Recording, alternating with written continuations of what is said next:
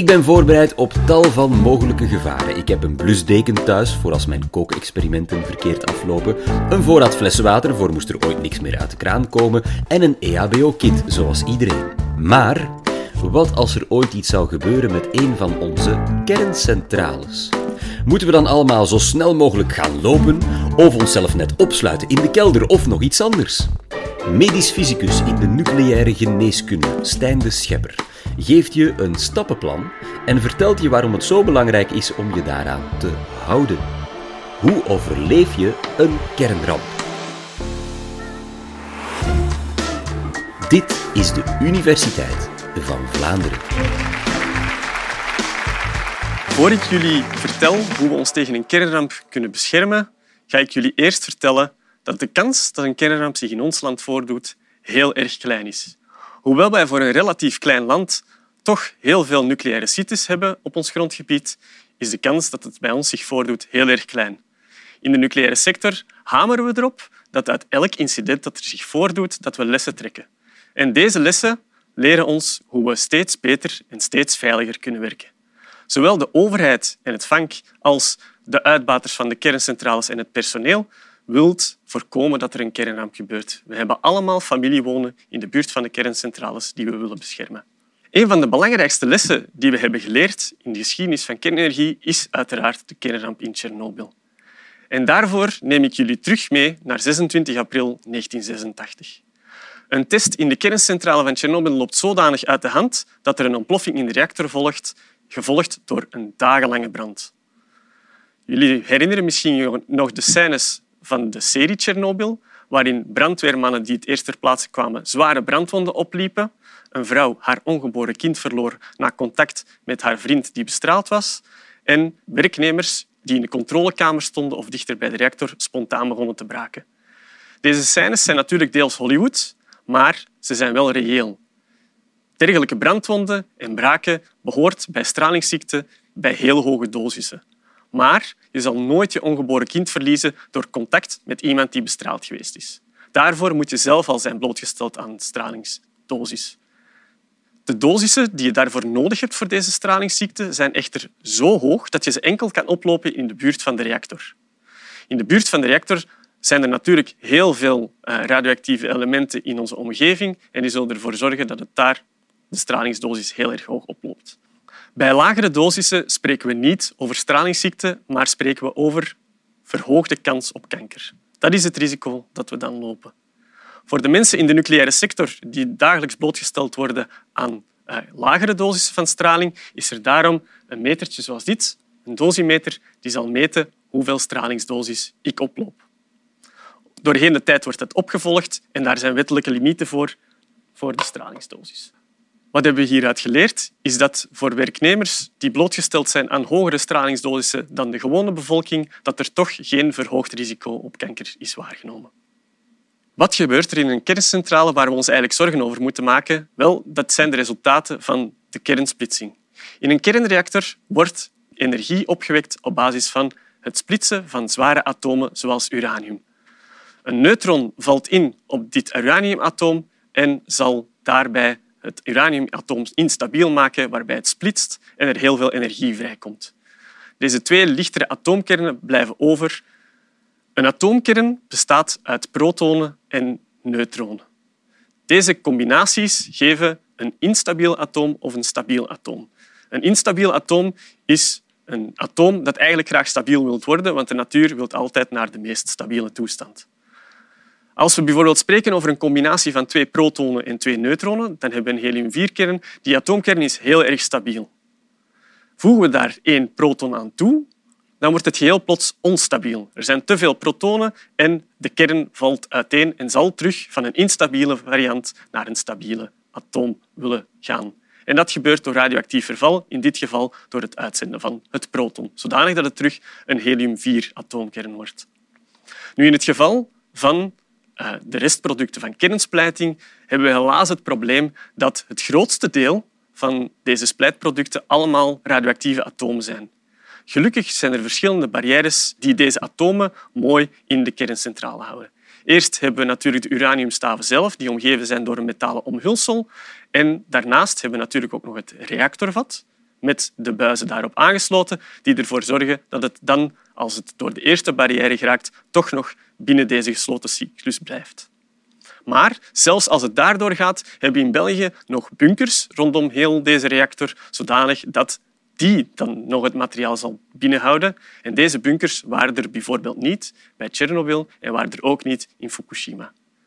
Bij gevolg, onze kerncentrales zijn echt een heel pak veiliger dan de kerncentrales waar de kernrampen hebben voorgedaan. Nu, deze radioactieve atomen, deze restproducten van de splijting, zenden bij een verval van instabiele variant naar stabiele variant straling uit. En deze straling komt in drie grote vormen. De eerste is alfastraling, dan heb je beta-straling en je hebt ook nog gammastraling. Alfastraling zijn eigenlijk heliumkernen. Ze zijn relatief zwaar, relatief geladen en die gaan daardoor heel snel hun energie aan de omgeving afgeven. Enkele millimeters lucht is al voldoende om deze volledig te stoppen. Beta-straling bestaat eigenlijk uit elektronen of hun eh, antimaterievariant positronen die minder zwaar zijn, minder zwaar geladen en zullen daardoor hun energie iets trager afgeven en verder gaan. Maar gelukkig worden deze wel al tegengehouden door een eenvoudig blaadje papier. Als we over gammastraling spreken, dan hebben een heel andere soort van straling. Gammastraling zijn lichtdeeltjes die eigenlijk slechts hier en daar energie afgeven en daardoor veel grotere afstanden zullen afleggen. Om ons hiervan te beschermen spreken we over zware materialen zoals lood of zoals materialen zoals beton. In normale omstandigheden blijven deze radioactieve restproducten achter in de centrale. Maar natuurlijk, in het geval van een kernongeval, zullen ze deze zich toch in de omgeving kunnen verspreiden. We weten uit de kernramp van Tsjernobyl dat niet noodzakelijk de regio's dicht bij de kerncentrale, maar soms ook een regio veel verder van de kerncentrales besmet kan zijn. De brand heeft dagenlang radioactief materiaal de lucht ingepompt en het gevolg was een grote wolk die over Europa reisde en helaas toen de wolk boven de Gomiel-regio was beginnen regenen, waardoor de radioactieve producten uit de wolk zijn neergedaald. De Gomiel-regio is meer besmet dan sommige regio's dichter bij de kerncentrale. Als we met een besmette omgeving zitten, hebben we natuurlijk ook nog steeds het verschil als de radioactiviteit zich buiten ons lichaam bevindt of in ons lichaam. Als het buiten ons lichaam is, hebben we eigenlijk relatief weinig last van alfa- en beta-straling. Enkele millimeters lucht voor de alfa's is voldoende en onze kleding zal de beta's ook tegenhouden. De gammastraling is dan onze voornaamste zorg. Maar anders is natuurlijk wanneer deze uh, radioactieve splijtproducten via onze voeding of via onze ademhaling in ons lichaam geraken. Want ons lichaam kent niet het verschil tussen wat radioactief is of niet. Nee, ons lichaam neemt alleen op op basis van de chemie. En of een isotoop radioactief is of niet, maakt voor ons lichaam niet uit. De drie voornaamste splijtproducten waar we ons zorgen over maken zijn in dit geval cesium-137 en jodium-131 en strontium-90. Cesium-137 zal voornamelijk opgenomen worden in ons beenmerg en zal daar lokaal heel veel schade kunnen aanrichten, want dat is een beta-straler. Jodium-131 is ook een beta-straler en wordt opgenomen door de schildklier en zal daar lokaal schade aanrichten.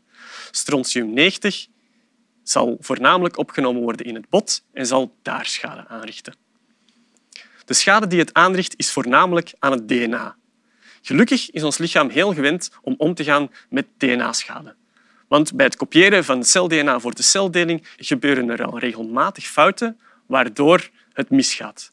Ons lichaam kan daarmee omgaan omdat het ofwel de schade kan herstellen, ofwel de cel vanzelf ehm, zo verkeerd DNA heeft dat het zijn functie verliest en sterft, ofwel omdat het immuunsysteem detecteert dat er een probleem is met de cel en de cel voor ons zal opruimen.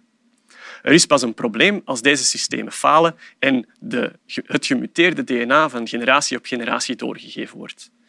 Deze mutaties zorgen voor de kans dat de cel zich zal ontwikkelen tot een kankercel.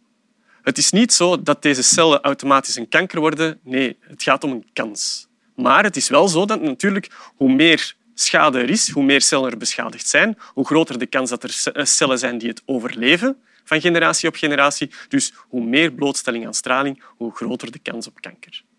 Gelukkig kunnen we straling ook gebruiken om kanker op te sporen en om kanker te behandelen. Denk daarbij aan een klassieke röntgenfoto of een CT-scan, maar ook op nucleaire geneeskunde een PET-scan. Hierbij spuiten we een radioactief speurstofje in dat lijkt op suiker en Kankercellen hebben voor hun agressieve celdeling vaak heel veel energie nodig, dus verbruiken dan ook meer suiker. Dus bij gevolg zal er een opstapeling zijn van dit radioactief speurstofje bij de kanker. Jullie zien hier een PET-scan van de lever, waarbij duidelijk centraal een bol te zien is. Dit is de kanker. We kunnen ook de producten die we zo net hebben opgenoemd, de splijtproducten die we hebben opgenoemd, het jodium-131 gaan gebruiken om een schildklierkanker te gaan behandelen. Strontium-90 kunnen we gebruiken om botkanker te behandelen.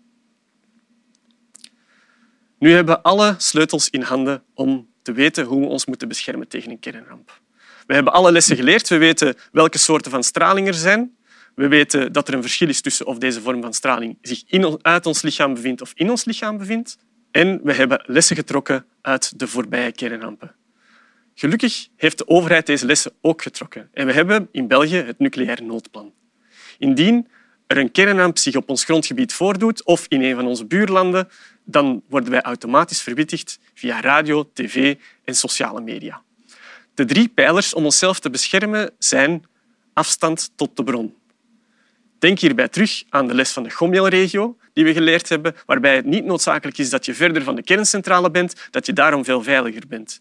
Nee, de bron waar we ons zorgen om maken is niet noodzakelijk de kerncentrale, maar wel de omgeving rondom ons.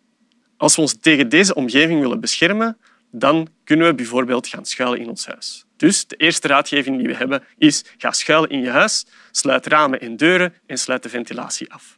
Zodanig dat de radioactieve producten buiten blijven en niet binnenkomen. Daarmee hebben we ook al het volgende puntje al aangeduid, afscherming. Want door in ons huis te gaan schuilen hebben we al afscherming van de straling door de muren, de ramen en ons dak. Ga niet in je kleerkast zitten, ga niet in de ijskast zitten, tenzij deze van lood gemaakt zijn, maar dan nog lijkt het mij niet comfortabel om in een lode ijskast te gaan zitten en lood is daarboven ook gevaarlijk. De gordijnen sluiten heeft geen zin, maar als je tochtende ramen hebt, kan je eventueel wel de rolluik sluiten, zodanig dat je toch zo weinig mogelijk lucht van buiten naar binnen in je huis brengt. Het is de bedoeling dat de radioactiviteit buiten blijft en niet binnenkomt. Het laatste puntje is de tijd van blootstelling beperken. Natuurlijk, hoe minder je blootgesteld bent aan straling, hoe lager de stralingsdosis. Dus we willen eigenlijk zo snel mogelijk naar binnen gaan en ook daar zoveel mogelijk blijven.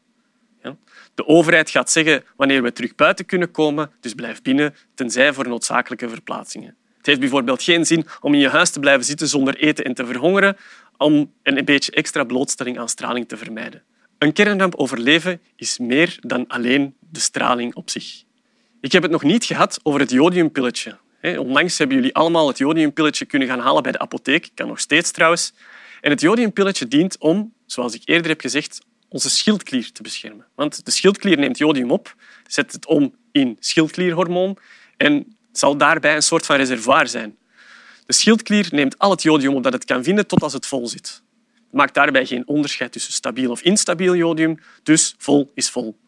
Als we kunnen onze schildklier vullen op het moment dat het radioactief jodium in onze omgeving is, zal het dit radioactief jodium niet meer opnemen en zal onze schildklier gewoon beschermd zijn tegen het radioactieve jodium. Zo kunnen we de kans op schildklierkanker verlagen. Wat ik vooral zou willen dat jullie meenemen uit dit college is dat de kans dat een kernramp zich in België voordoet heel erg klein is. Vele malen kleiner dan de locaties waar zich vroeger al kernrampen hebben voorgedaan. Straling verhoogt de kans op kanker, maar het is nog steeds een kans op kanker. Het is geen zekerheid. Het is niet omdat je bestraald bent dat je kanker zal ontwikkelen. Dus hoe kunnen we ons beschermen tegen een kernramp? Volg de instructies van de overheid. Er is het nucleair noodplan dat in werking treedt op het moment dat er zich een incident voordoet. En volg het nieuws van de overheid op radio, televisie en sociale media. Vergeet niet dat de bron niet noodzakelijk de kerncentrale is. De bron is de omgeving rondom ons. Het is niet omdat je verder bent van de kerncentrale dat je veiliger bent. Ga dus niet vluchten. Maar ga schuilen in je huis. Maak de afstand tot de omgeving buiten die mogelijk besmet is zo groot mogelijk door in het midden van je huis te gaan zitten en blijf in je huis zoveel mogelijk. Neem de jodiumpil in als de overheid die instructie geeft via sociale media, radio en televisie. Dank u wel.